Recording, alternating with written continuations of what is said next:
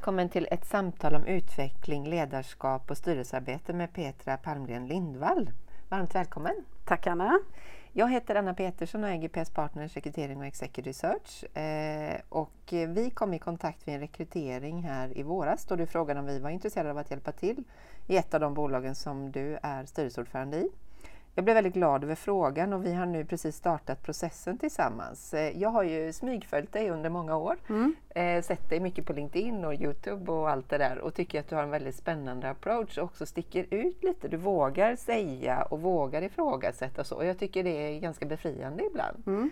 Eh, och du har väldigt många strängar på din lyra så en fråga var ju nu, vad ska jag kalla dig? Men professionell styrelsearbetare ja, menade vi och vi kommer att få lite mer kött på benen kring det. Mm. Eh, och eh, som sagt, jag är också väldigt nyfiken på vad som driver dig och det blev inte mindre av när vi träffades för du har en enorm, eh, ett enormt engagemang när man träffar dig. Man får mycket energi och det händer mycket runt det vilket jag tycker är oerhört inspirerande. Eh, och då frågade jag om du vill vara med i PS Möter för jag tror att du kan inspirera många andra och det ville du. Mm. Eh, och en känsla som snabbt infinner sig när man pratar med dig det är ju att ingenting är omöjligt. Det stämmer. Så är det. det är lite Pippi Långstrump över det hela. Exakt, ja, ja, verkligen. Ja. Men du får gärna berätta lite kort och backa gärna lite grann. Hur kom det sig att mm. det blev så här? Mm.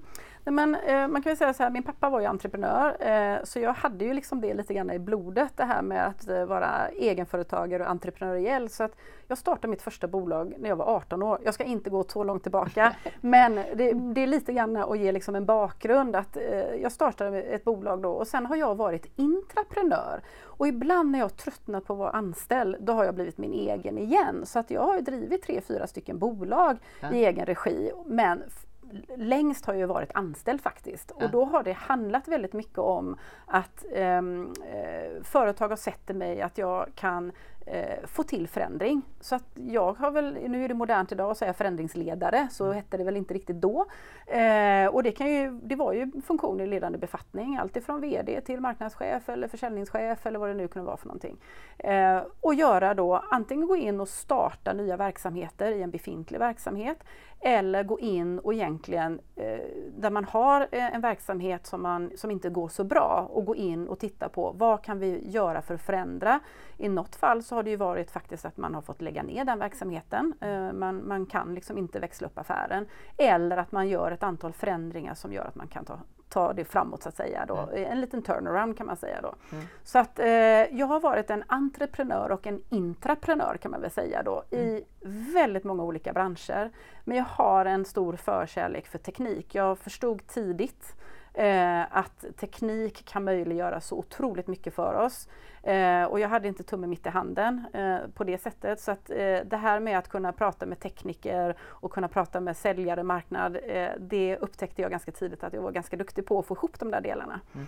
Så att det, det har varit en röd tråd och sen så eh, lämnade jag min, kan man säga då, operativa eller ska säga, karriär då, vad blir det nu, 2006 så började jag på Chalmers.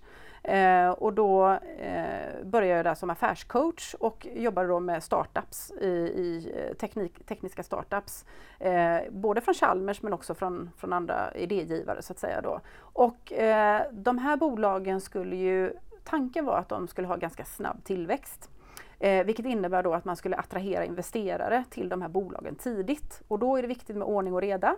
Mm. Eh, så att vi då som var på Chalmers som affärscoacher då, som var då lite mer erfarna entreprenörer, Ehm, vi eh, var oftast de som tog ordföranderollen i styrelserna och tillsammans då med eh, grundarna eh, träffade investerare. Och sen var ju vi med på en eh, liksom initial resa utifrån ett styrelseperspektiv och representant då för Chalmers som, som delägare i de här bolagen. Då.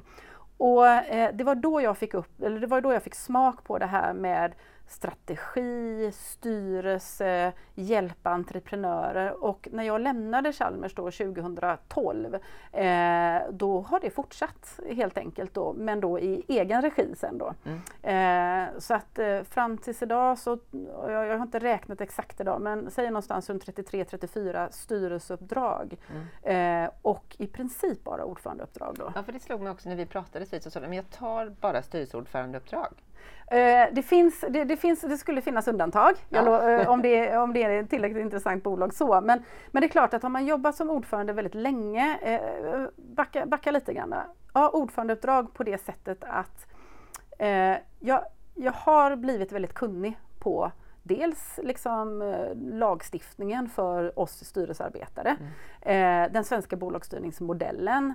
Jag har då med min, mina många styrelseuppdrag och under flera år liksom klart byggt på min ryggsäck.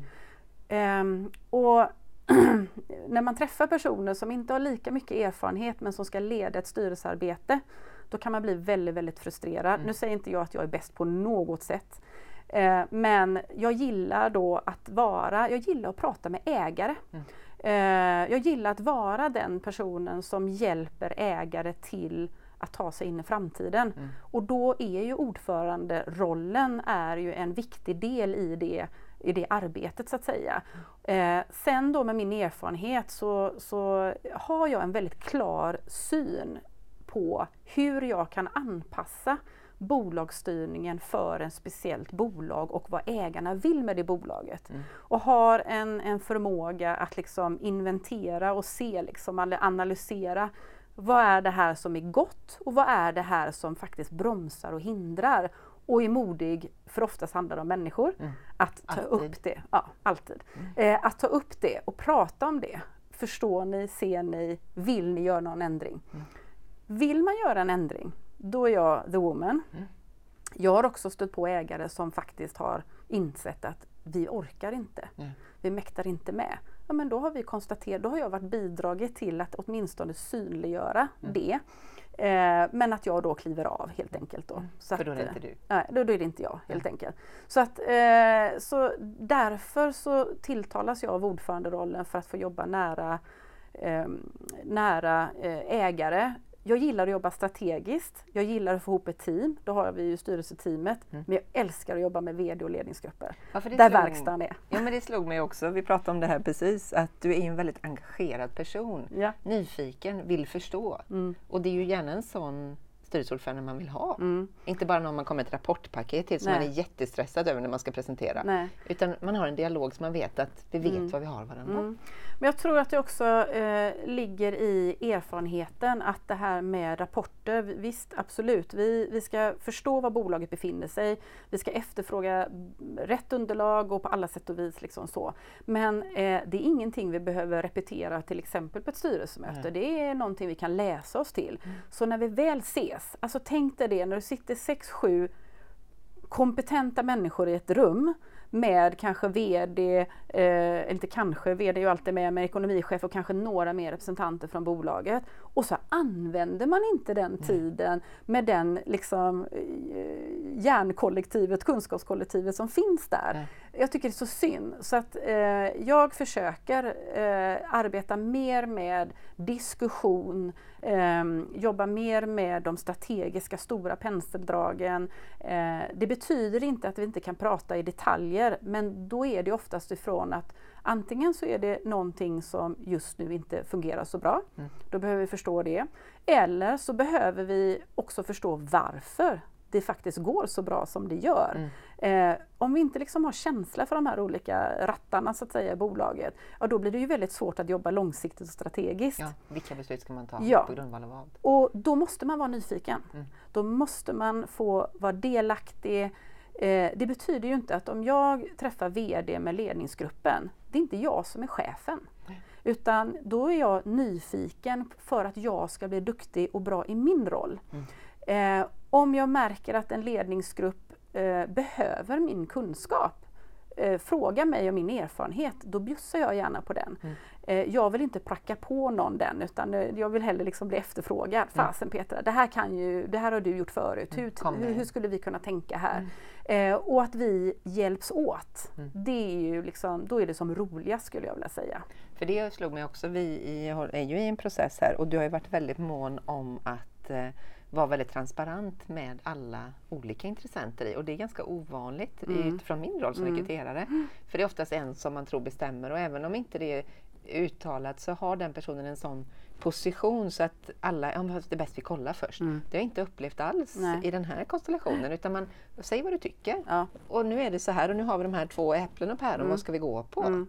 Eh, och det är nog också en mm. framgångs som du säkert kanske har lärt dig? Jag vet ja, inte om det var så från jag, början? Nej, det var nog inte från början så utan det har man ju nog lärt sig efterhand. Jag tänker så här att som styrelse eh, i bolag, vi behöver vara varsamma om våra resurser. Mm. Och då tänker jag så här att hellre lägga ner bra med tid initialt för att ta rätta beslut mm. för, för det långsiktiga.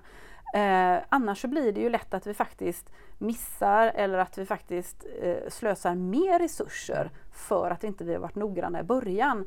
Mm. Eh, så så att, eh, det handlar nog mer liksom om att eh, prata om den, eller tänka på det mer långsiktiga. Mm. Eh, men sen, jag gillar transparens.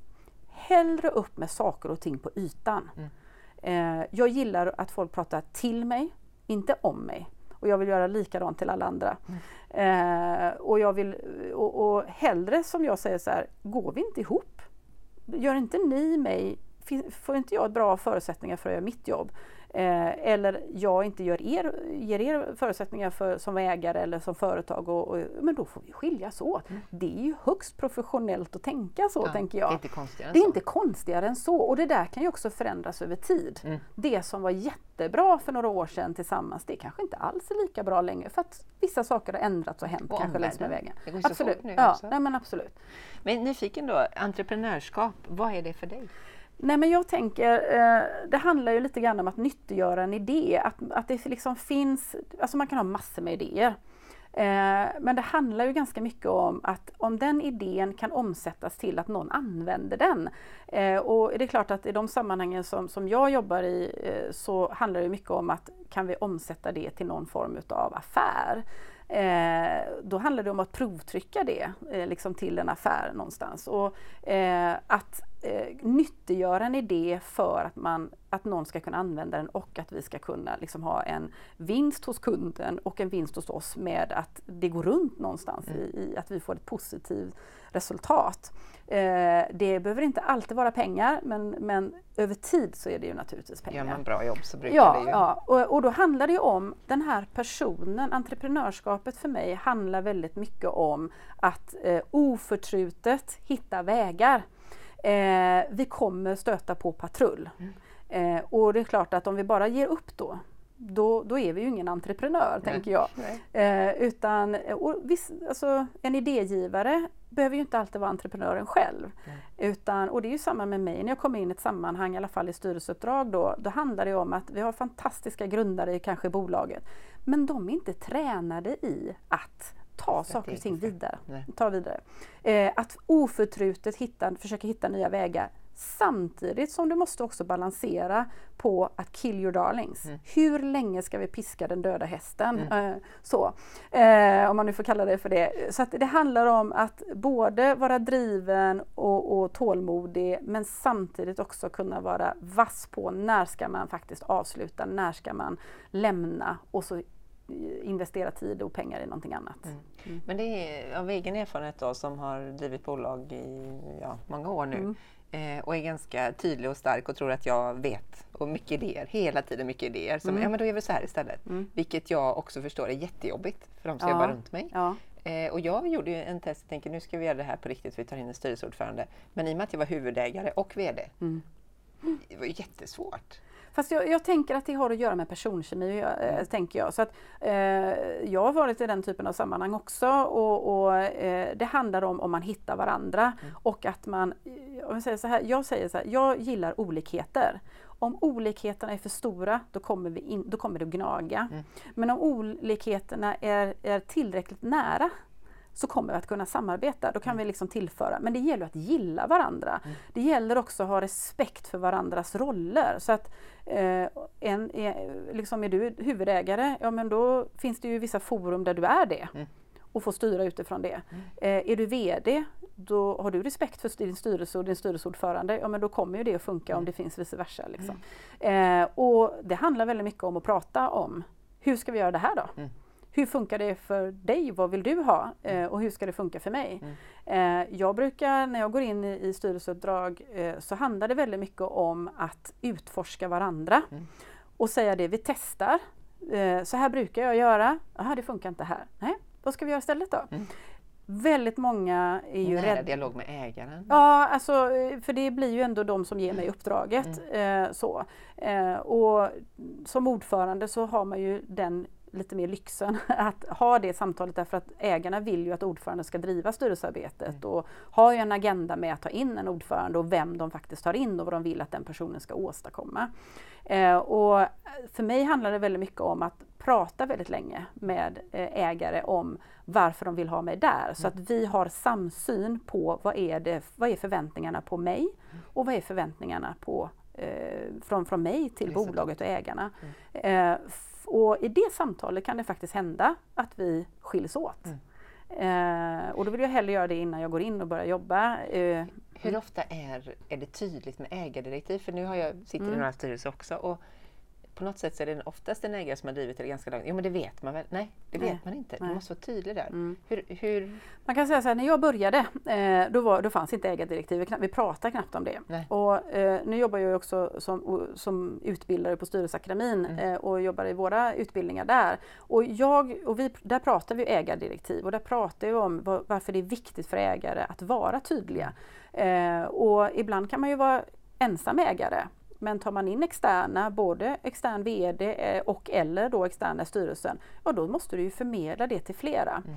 Eh, är du flera ägare, ja då handlar det om att man ska ha en samsyn som ägare. Så det finns alla möjliga liksom, incitament för att man ska ha tydlighet. Eh, däremot så finns det ju liksom ingen mall skulle jag vilja säga. Mm. Eh, det här är någonting man lär sig över tid. Eh, och vad är det som oftast, vad, är det, vad brukar skon klämma någonstans? Mm. Eh, och det är ju lite så här att går det bra för bolaget, då, behöver man ju liksom, klämmer inga skor, då klämmer inga skor alls. eh, det är ju först när det börjar bli lite knackligt, ja. antingen i relationer eller ekonomiskt i bolaget. Det är då man behöver de här liksom, vad ska man säga, ramverken mm. som man behöver luta sig mot. Och, eh, ett ägardirektiv är ju en överenskommelse mellan ägare och att det är ett uppdrag för styrelsen. Då har vi kommit överens att det är det här som gäller. Eh, det är ju på de premisserna som, som vi också tar våra beslut, gör våra investeringar. Vi kan ju inte springa till ägarna hela hela tiden och fråga. Jag vet att det finns vissa ägare som, som vill det. Och det finns många ägare som jobbar otroligt professionellt på pappret men ändå inte kan låta bli att gå i korridorerna och ändå agera ägare. Och då får man ju lyfta det och säga, du är en förebild. Ja. Du kommer alltid anses som en förebild här. Alla kommer ju hoppa när du säger hoppa. Ja. Men säger VD eller styrelsen, sitt ner, då kan inte du säga hoppa. Nej utan att vi pratar om det. Så det, det, det, Men hur lätt är det? För det är ju också många bolag, vi pratade mm. om Bengt Dahlgren som mm. vi är involverade i nu. Mm. Och där är det ju också ägare som mm. sitter i styrelsen och jag upplever att det inte alltid man förstår, men det är bara jag. Mm. Jo, fast du är i alla ja. andras ögon. Ja. Är du alltid ägare? Nej, eh, jag tror att det är jättesvårt för mm. väldigt många ägare. En del ägare är jättebra på det, eh, men, men jag skulle säga väldigt många är mindre bra på det. Mm. För man är ju också kollegor, man, man liksom, ja så. Eh, och det är klart att ehm, jag skulle vilja säga att de flesta ägare är mer, har mer den operativa hatten på sig snarare än ägarhatten skulle jag vilja säga. Mm. Eh, och det är ju där det då blir liksom ett miss, alltså att det blir liksom, ja men du är faktiskt ägare. Mm. Alla medarbetare här vet att du är det. Mm. Så det är klart att när du säger något, när du eh, gör någonting, till exempel ett kundprojekt eller uttalar dig i, ett större, i en större grupp eller någonting om en medarbetare eller vad det nu är för någonting. Ja, då blir det lite extra för att du är också delägare. Mm. Eh, men det här är någonting som jag oftast bidrar till, det här samtalet och kanske få upp den här eh, eh alltså förståelsen för att det är på det sättet. Mm. Eh, och sen säga så här, hur kan vi använda det på ett gott sätt? Mm. För det är ju fantastisk styrka i det. Ja, absolut. ja absolut. Men vi pratar ju ägarlätt och ägarstyrt. Ja. Ägarstyrt för mig, det handlar ju om att du är tydlig som ägare med att du faktiskt har till exempel ett ägardirektiv. Mm.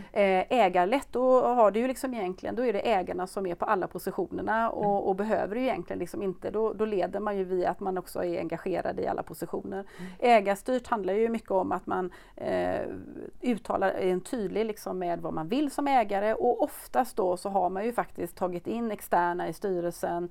Eh, man kanske också tagit in extern VD. Så att det skiljer sig lite grann åt mellan det som är ägarlätt och det som är ägarstyrt så att säga. Och Men hur ser den resan ut egentligen? För oftast är det första, det är som jag då som rekryterare, första externa VDn på ett ägarlätt bolag. Mm. Det är ett litet kamikazeuppdrag. Ja, det är ett kamikazeuppdrag. Ja. Och då kan man säga så här att eh, eh, min expertis eh, är faktiskt, eh, alla, eh, de flesta uppdrag, där är jag första ordförande in. Mm. Och då handlar det nog om att eh, eftersom jag då har drivit bolaget länge själv, att de ser i mig att jag har en full förståelse för hur det är att grunda ett bolag med blod, svett och tårar, eh, få det liksom framgångsrikt på något sätt. Eh, att jag eh, har, får, får liksom förståelsen, men också inser att det är en resa för dem att göra. Mm. Och jag vet att väldigt många ägare är mer hungriga på att tillsätta den här externa VDn och inte tycker att styrelsen är lika intressant.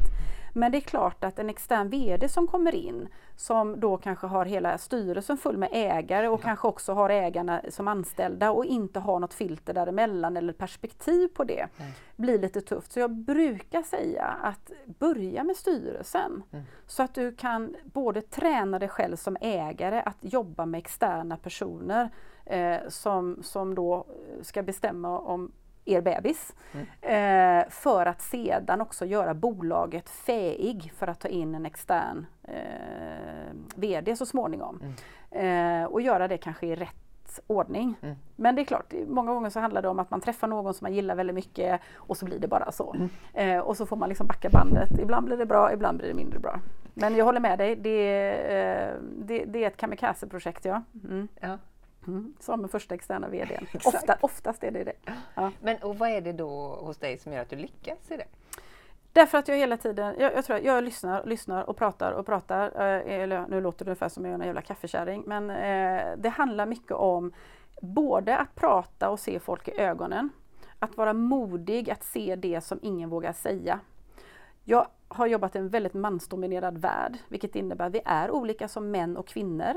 Eh, män kanske inte pratar om saker utan man ser, man kanske inte heller ser faktiskt. Eh, det är mycket som man kan se, se och höra mellan raderna om man nu får säga så. Och ta det sammantaget säger bara så här, jag kanske har fel, men jag har noterat mm. det här, det här, det här. Är det rätt uppfattas? Så det handlar inte om att jag säger att det här ser jag, så här gör vi. Nej. Utan det handlar om att det här uppfattar jag. Kan det vara så? Och så får vi prata om det. Mm. Och så landar vi kanske ja det är så, okej. Okay. Tycker vi att vi ska göra någonting åt det? Är det intressant? Jag kan hjälpa er eller jag har tankar och idéer om hur det ska kunna gå till.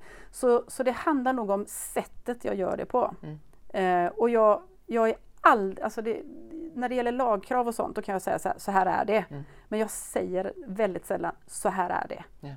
Jag har erfarenheter, kunskaper, jag har tankar och åsikter som, som grundar sig på det.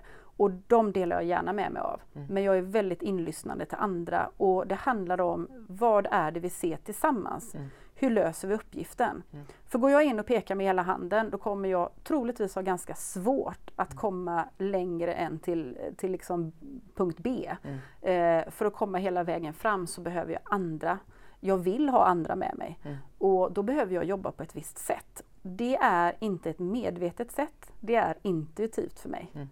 Men det handlar väldigt mycket om att vara modig, inlyssnande och sen också med min bakgrund har så många erfarenheter i ryggsäcken. Mm. Så det finns nästan ingen situation jag inte varit med om, alltså inte exakt den sätt. så, men, men något liknande ja. som jag alltid kan säga, så här löste vi det då. Kan det vara ett sätt att testa i första? Och jag jobbar mycket med test mm. och säger att ingenting är för evigt.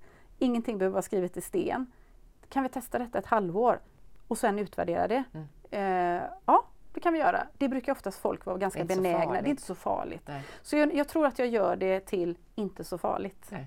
Och jag är inte så kanske så eh, vad ska man säga, ehm, eh, men jag tror inte att jag gör folk rädda. Jag, jag upplever, för det är också, man har ju träffat med många olika typer av människor på olika positioner och du är nog den minst dömande personen Ja, med den rekorden du har. ja. För du ser ganska tydligt kan jag tänka mig ibland, men så så är det, så inte. Men det finns inte, fast det behöver det inte vara. Nej, men jag tror, att det har, eh, jag, eh, jag tror att det har att göra med min personliga bakgrund att göra. Alltså jag har eh, i min, liksom i min familj med eh, lite olika livsöden så eh, vet jag, vi i min familj har blivit dömda eh, ganska ofta eh, och sen vet ju jag vad, vad sanningen är. Mm. Så att jag tror att jag har fått med mig det ganska mycket av från min livserfarenhet som, som människa. Mm. Inte så mycket kanske inom jobbet men det är klart att eh, min tid, jag har jobbat utomlands och i internationella bolag, när man också får jobba med andra kulturer Mm. så tror jag också att man får upp ögonen mer för att det är inte bara på ett sätt. Det kan göras på flera sätt. Ing, det behöver inte vara fel. Eh, bara för att du har en åsikt så är inte den fel. Bara för att jag har en annan åsikt. Eh, det är olika perspektiv och, och vi laddar det med olika saker. Eh, kan vi prata oss samman och förstå varandra, ja, men då finns det kanske en bättre möjlighet att ta oss fram. Mm. Eh, och, och jag skulle vilja säga att eh, det, det roligaste är när vi faktiskt är väldigt olika. Tjafsa lite grann om det, men sen börja liksom jobba tillsammans Hitta och, och hitta styrkor. varandra. Mm. Det, är ju, det är ju faktiskt himla häftigt Och när man blir det gör ett det. enormt resultat. Ja, det blir ju det. Eh, För när vi träffar människor som, som, som är ja-sägare eller som, som tycker Ja, jag tycker som du Petra. Eh, då, då blir jag trött, alltså då, då tröttnar jag. Eh, då, får, då känner jag att då får jag ingen energi. Utan jag, jag gillar personer som på ett gott sätt eh, pratar om sina erfarenheter, sina tankar, sina rädslor. Det handlar väldigt mycket om rädslor eh, för människor. Och det är klart att styrelserummet är ju så ett otroligt formellt rum. Mm. Har du tagit dig till styrelserummet, då ska du inte visa känslor kanske. Du ska inte visa dina tillkortakommanden. Du ska inte visa liksom rädslor och, och, och, och svagheter om man nu kan kalla det för det. Eh, och där tror jag att jag eh, kan hjälpa till lite grann och säga att men jag är också människa. Mm. Det är inte så Eh, farligt. Jag har också dåliga dagar.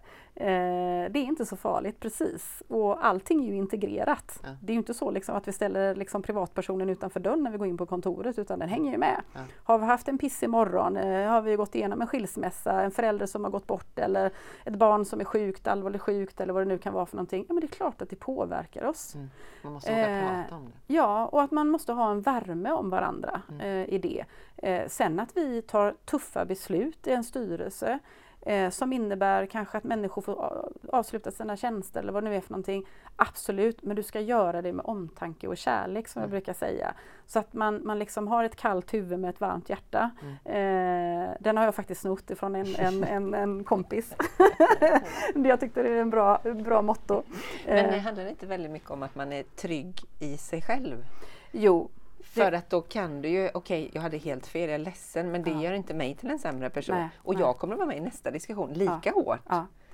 Nej, men jag, jag, och jag tror ehm, en del har ju det väldigt tidigt i livet. Eh, en del får gå på ett antal törnar tror jag innan man faktiskt kommer dit hän där man känner att, eh, att man har den erfarenheten som gör att okej, eh, jag kan eh, säga att jag har fel eller att jag trodde fel eller vad det nu kan vara för någonting. Eh, så, eh, det, det, det krävs nog lite tid, eh, lite, lite eh, vad ska man säga, lite smällar och Ja, vatten under broarna. Lite vatten under broarna. ja, ja. Eh, Det var ganska intressant för jag var en annan kollega som sa till mig så att eh, eh, det är ganska intressant att med tjejer så säger man skinn på näsan. Men det gör man inte med män. Har du tänkt på det? Nej, det man inte. För det får jag många säga, ah, du är en tjej med skinn på näsan. Det vill säga det har runnit mycket vatten under broarna. Du vet hur du ska hantera olika situationer. Men, men det var liksom ganska intressant. Men jag har aldrig fått det som man, sa han då. Jag har aldrig hört en man, eller någon säga om en man, att en man har skinn på näsan. Men det är också en intressant fråga som vi egentligen inte ska prata om här, men jag kan inte låta bli att prata om den. Och det är ju också då i mitt yrke som rekryterar nu med ganska seniora nivåer så träffar jag ju många fantastiskt duktiga kvinnor som har gjort enorma karriärer. Mm. Men det är ändå de som frågar mig oftast, tror du att jag klarar Ja. jobbet?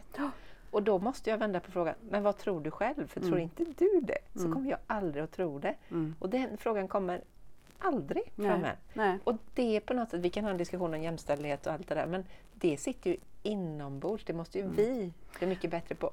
Mm. Men jag tror att det är evolutioner, alltså vi, det är arv från lång, lång, lång, lång, Ja. lång tid tillbaka och, och vi har fortfarande strukturer i samhället som faktiskt eh, stimulerar till den utvecklingen vidare.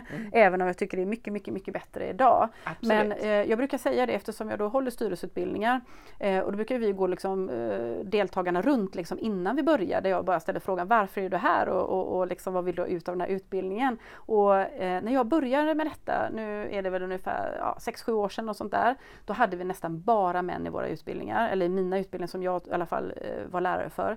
Eh, nu är det väldigt mycket 50-50 eh, och sen vet jag att det är många som vill gå för mig och då har jag många kvinnor som går så att det är kanske lite mer ibland. Men i alla fall, eh, när vi går runt då så har jag reflekterat över, och det är bara en reflektion, eh, och då är män som säger så här att eh, nej men, jag är här för att jag har varit styrelseaktiv i 20, eh, 15-20 år.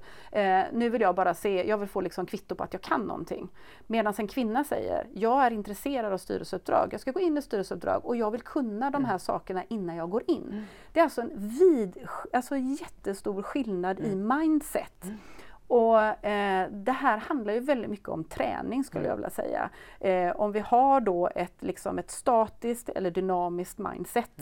Eh, så att eh, ja, där är vi olika och det är ju den här olikheten som på ett sätt är fantastisk och som vi ska använda oss av, oss, utav, oss utav i alla olika sammanhang.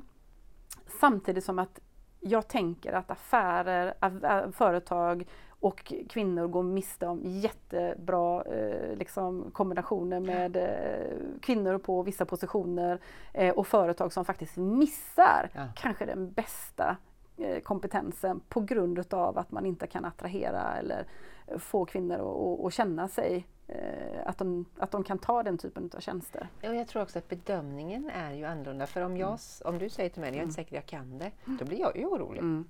Och jag tror ju inte att, nu känner inte jag dig, men Nej. jag tror inte att du har suttit någonstans och sagt oh, vet inte om jag klarar av det här nu. Eh, det har nog hänt eh, historiskt sett, men, men inte så mycket idag. Nej. Utan jag är lite mer så här, jag är nyfiken. Mm. Eh, det här har inte jag gjort förr, så det, det, det försöker vi oss på.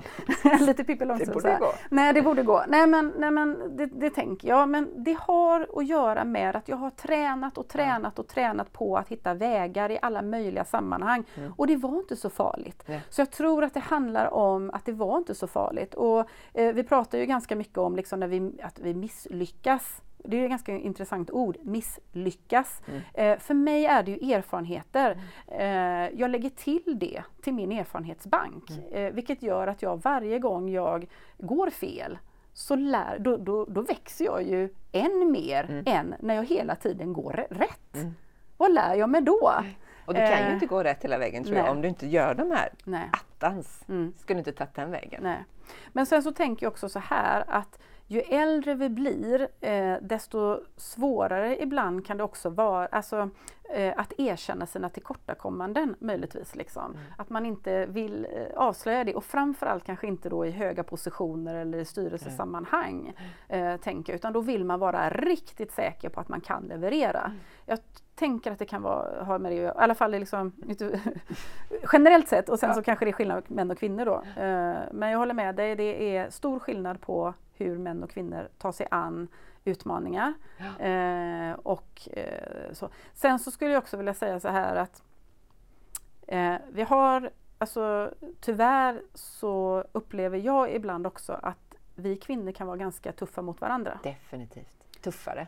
Tuffare, exakt. Vi kan vara tuffare mot varandra. Mm. Och eh, ett, liksom, ja, vi, vi kan sätta eh, spiken på rätt ställen Mm. Som gör riktigt ont. som gör riktigt ont. Och det gör nog också att när du kommer i en hög position och kanske blir bedömd eller betittad eh, så är det nog ganska obehagligt för vissa. Och det är svårt att kanske då bara rycka på axlarna och gå vidare. Eh, då är det lättare att göra det när man är jäkligt trygg i sin, mm. sin roll. Mm. Är man ute på lite det här, ja men jag kan inte det men det lär jag mig gärna eller jag vill gärna liksom. Mm, mm då, då kanske man väljer att, att göra någonting annat där man känner sig mer trygg. Jag vet inte. Mm. Eh, jag är alltid ute på halt vatten. Mm. Så det, det är en normal känsla? Ja, det är en normal känsla för mig. Eh, så. Mm. Men vi pratar också, eller allt vi pratar om egentligen är ju någon form av ledarskap. Hur, hur, ser du på ledarskap? Vad är det, vad är det viktigaste för dig? Ja, jag vill inte definiera ledarskap så, men, men, eh, men jag tänker att det handlar väldigt mycket om att eh, få andra också att se andra, att få andra att växa, att, eh, att ehm, eh, vad ska man säga, lyssna in, eh, inte bara det som sägs utan det som inte sägs. Och det tror jag är en förmåga man har eller måste träna upp på något sätt. Eh, att eh, också veta när man, alltså när, vad, vad har jag liksom för eh, tillkortakommanden eh, och vad är det jag ska ge mig in i och coacha eller ge, eh, ge råd kring eller vad det nu kan vara för någonting. Liksom då. Eh, nu leder jag ju som styrelseordförande, jag är ju ingens chef. Eh, jag vi är ju ett kollektivt ledarskap. Det är också väldigt intressant skulle jag vilja säga. Och då gäller det först att få ihop kollektivet, mm. alltså styrelsekollektivet, för mm. att vi ska bli ett bra ledarskapskollektiv. Sen är det klart att jag träffar ju VD eh, så. Ehm, och eh, det handlar ju om, också om att vilja bli ledd. Mm. För, för, för liksom, om inte jag vill ha en, en ledare som leder mig eller jag inte har förtroende för den, det handlar ju mycket om att skapa det här förtroendet, eh, då kan ju vi eh, liksom nöta oss själva mm. blodiga så att säga. Och, det, kom, så och det tar så himla mycket energi. Och där är jag jag ger alltid folk en chans, två chanser, tre chanser, fyra chanser så länge viljan finns att göra en förändring. Mm. Eller att man har viljan att få insikt. Så alltså man ska ha sjukdominsikt, liksom, mm. vad är det som, och det gäller mig med naturligtvis, mm. eller vår relation. Mm. Vad är det här som vi inte riktigt lirar? Mm. Vad är det som gör att inte vi kan prata? Vad är mm. det som gör att vi inte liksom kommer framåt eller ja, vad det nu är för någonting. Eh, och kanske prata om det och förhålla sig till det. Sen, eh, jag liksom, om jag jobbar med en person till exempel, där jag själv är då ledaren, så eh, behöver inte jag alltid vara den som tillför alla eh, goda råd eller alla erfarenheter, utan jag brukar ofta liksom säga, okej, okay, eh, vi har kommit överens om att det här och det här behöver du för att klara av ditt jobb och växa som person och dina mål och allt vad det är för någonting. Då handlar det mycket om att kanske hjälpas åt att identifiera vilka andra resurser behöver du för mm. att ta dig framåt. Eh, utan att inte alltid se att det handlar om ja, mig liksom, som Nej. ledare utan att skaffa de rätta resurserna liksom, för, för den Hur personen. Hur lätt är det, jag tänker som VD, för då, det finns ju också någon form av label på VD att jag ska kunna allt. Ja. Men det handlar ju mer om att du ska bygga ett team så att ja. du lyckas. Ja. Eh, och där, eh, jag tror att eh, när jag går in och jobbar så handlar det väldigt mycket om att visa mig som människa. Mm. Att eh, man, man förstår att eh, jag har också liksom dåliga dagar, jag, har också, jag är ledsen, jag är glad, jag är, det händer saker och ting i mitt liv. Eh, och när, när, vi har etablerat den typen av liksom känslor, det är inte alla som är bekväma med det. Men, men tillräckligt liksom att ja, men det är inte så farligt att prata med Petra. Eh, hon sitter inte på sina höga hästar och talar om för mig vad jag ska göra utan att man får det här liksom att vi ska ju samarbeta och det gäller att vara tydlig med det hela tiden. Mm. Samarbete, samarbete. Jag bestämmer ingenting jag kan inte liksom göra det här, vi gör det tillsammans, jag mm. använder ordet tillsammans och vi hela tiden. När det har nötts in, tänkte jag säga, men när det har gått in så att mm. säga, eh, då är det mycket lättare att, att liksom ta sig vidare. Mm. Och det eh, tar ju en stund. Det tar en stund. Och jag säger ju också det att eh, nu driver jag ju också VD-nätverk. Mm med de VDarna som jag har jobbat med och, och, och, jobbar med och sen så finns det några andra som, som vill vara med där också. Eh, för det handlar väldigt mycket om att eh, som VD är man ju ensam i den, den rollen. Sen så ska man ju naturligtvis alltid kunna vända sig till sin ordförande. Mm. Vi ska samarbeta, men vi behöver inte samarbeta om allt. Eh, man kan bolla idéer och tankar med sin ordförande, men sedan kanske lite grann på hur man ska omsätta det innan man kanske går in i, och pratar med sin ledningsgrupp. Eh, då kanske man behöver prata med andra likasinnade eller som har, sitter i samma eh, utmaningar. Och då tycker jag att ett VD-nätverk kan vara en sådan, ett sådant verktyg man kan använda sig utav om man har gott förtroende mellan individerna i ett sådant nätverk. Mm. Eh, för då är, kan man vara mer konkret på, mm. liksom, nu sitter jag faktiskt med den här specifika saken. Mm. Eh, och de och, har antagligen varit i någon form ja, av liknande situation. en liknande situation. Eh, så tänker jag. Så att, ja, nu kommer jag inte nästan ihåg vad frågan var. Nej, men vi pratar ledarskap. Jag ja, tänker att du går in, vi pratar mycket styrelsearbete ja. men du är också inne och om det är någonstans som det är skon klämmer ja. i en ledningsgrupp eller? Ja, eh, dels så handlar det väldigt mycket om liksom att förstå vad är det som gnager, vad är det som inte funkar? Och, eh, man kan säga så här, det var ett, ett tag där jag var väldigt frustrerad över att så många VD som jag träffade säger att min ledningsgrupp funkar inte. Det vill säga den dysfunktionella ledningsgruppen. Och säger, men vem är det som bestämmer vem som ska utgöra ledningsgruppen? Ja, det är jag. Okej, okay. så varför ser den ut som den gör? Jo, men jag har ju ärvt.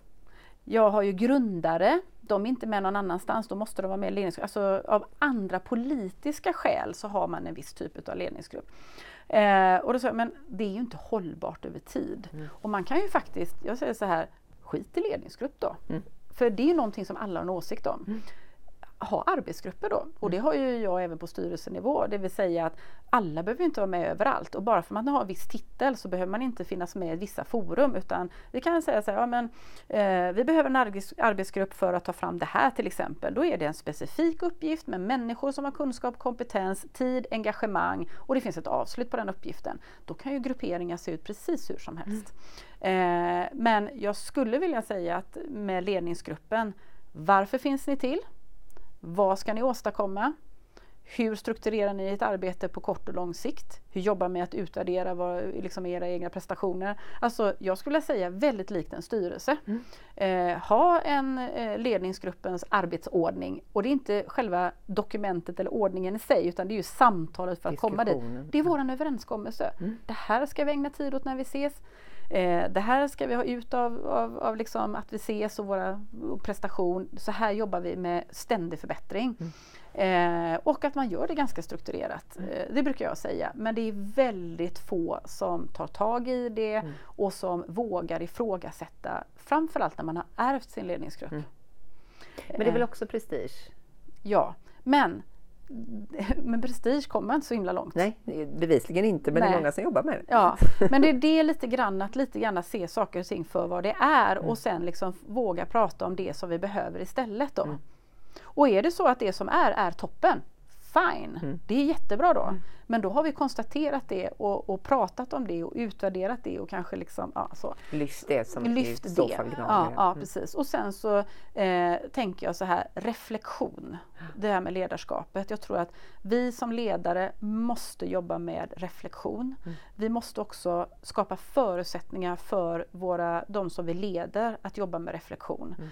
Vi är som små ekorrar i ekorrhjulet. Eh, det låter kanske lite töntigt men kanske till och med lägga in i kalendern mm. eh, att vi ska, jag ska reflektera. Mm. Jag ska ta mig den här tiden, om det är nu varje vecka eller för varje projekt eller vad det nu kan vara för någonting. Eh, för att om vi bara springer på, mm. hur vet vi hur, hur lyfter vi blicken och förstår vad vi gör bra eller vad vi behöver förändra eller gör mindre bra. Eh, så, och att vi också ger oss eh, kanske tiden till att okej, okay, vad, vad händer om 3, 6, 12 månader då?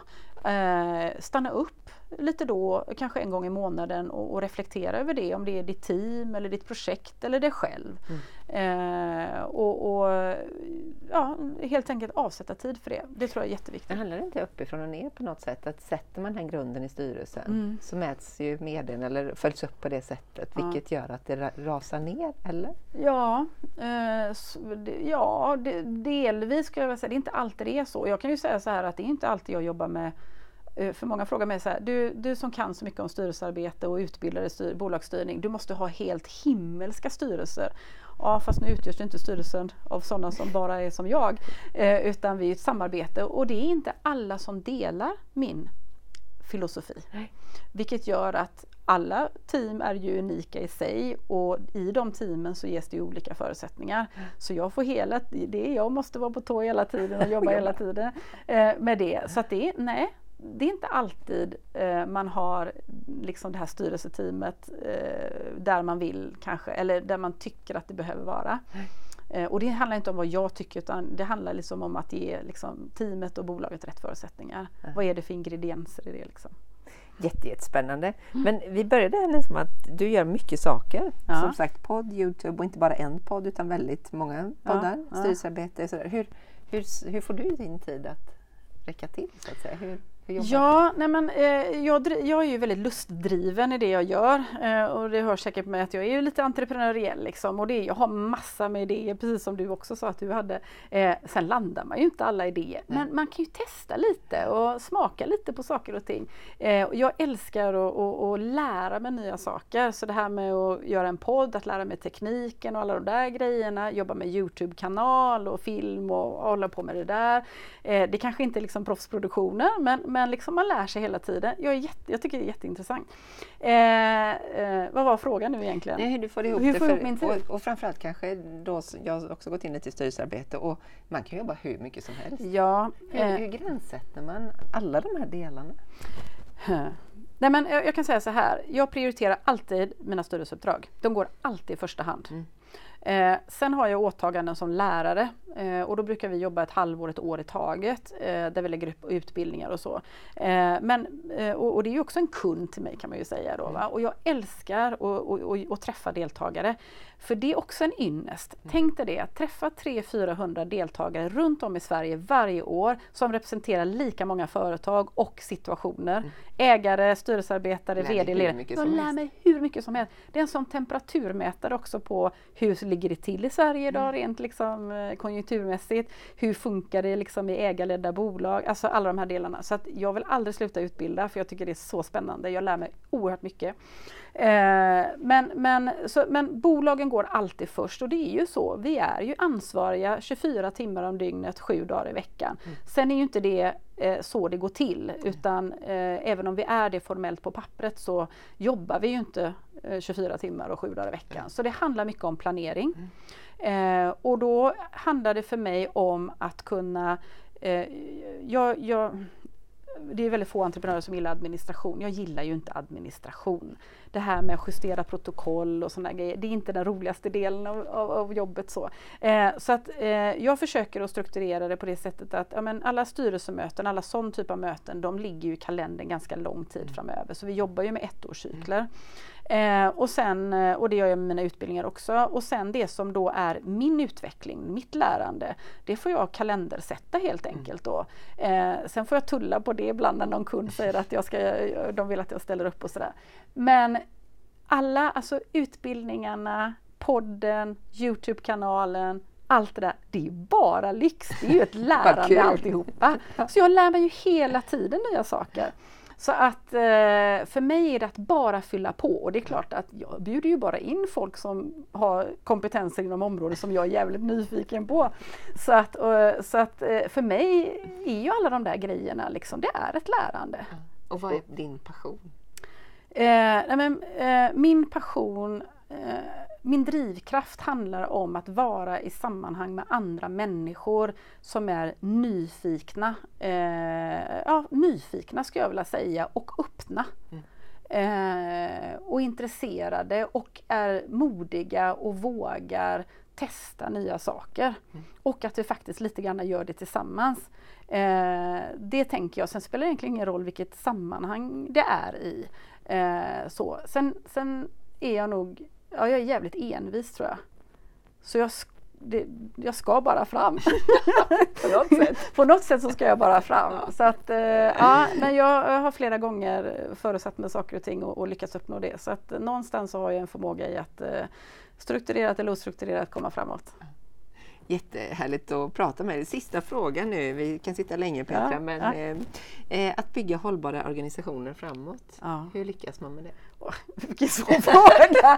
Nej, men, men det, det handlar ju någonstans om att vi måste ha eh, individer som köper, alltså det så måste vi vara tydliga med, vad handlar det här liksom, företaget om som den här organisationen ska befinna sig i? Och då är vi tillbaka till vad vill ägarna, vad är tydlig riktningen? Är, kan jag köpa in mig på att vara en del av detta? Och det spelar ingen roll om jag är styrelseledamot eller VD eller medarbetare på vilken nivå det än måste vara. Allihopa måste vi se riktningen och säga så här, jag kan bidra till den riktningen. Jag vill vara med. Jag vill vara med. Jag ska, måste kunna utvärdera det. Mm. Eh, och när jag också är med så måste jag få möjlighet att vara med. Mm. Få möjlighet att eh, liksom bidra. Eh, och att ingenting är skrivet i sten. Mm. För det som gällde för två veckor sedan, det inte säkert att det gäller om två veckor. Mm. Så att vi måste vara liksom, eh, liksom hela tiden i rörelse utan att det liksom ett korthus ska svaja. Mm. För det handlar ju om det också då. Va? Så vad är det som, som vi behöver hålla kvar vid och vad är det vi behöver förändra? Eh, men att som medarbetare måste du känna liksom att jag gör nytta. Min kunskap och kompetens kommer till, till nytta här. Mm. Eh, jag eh, vill vara med och, och, ta det här bolaget framåt tillsammans med de här andra människorna mm. och kunskaperna som är här. Och då handlar det också om att lära sig och det kan vi göra på lite olika sätt, eh, tänker jag. Eh, och jag, jag, tänker också på den här transparensen, jag tänker på det eviga pågående samtalet. Det är det som är kittet emellan ja, allt det här. Ja. För om du springer för snabbt och de ja. inte förstår fast du tror det. Ja, ja precis. Tillbaka till det. Exakt. Ja, nu ringer det här. Nu ringer klockan. nu ringer klockan. Precis. Ja. Ja, tusen tack Petra för den här pratstunden. Jättespännande att få höra lite ja, mer. Och tack jag så hoppas Vad eh, kul. att vi kan få prata mer med dig om det, ännu mer saker. Ja, det får. Jag får återkomma helt enkelt. Tack så mycket. Ja. Och tack så mycket för er som lyssnat. Fortsätt gärna lyssna på PS Möter och hör gärna av er till mig om vad ni helst lyssnar på. För mig handlar det om att träffa spännande människor och lära mig nya saker. Och det har jag verkligen gjort idag också. Tack så jättemycket. Tack så mycket.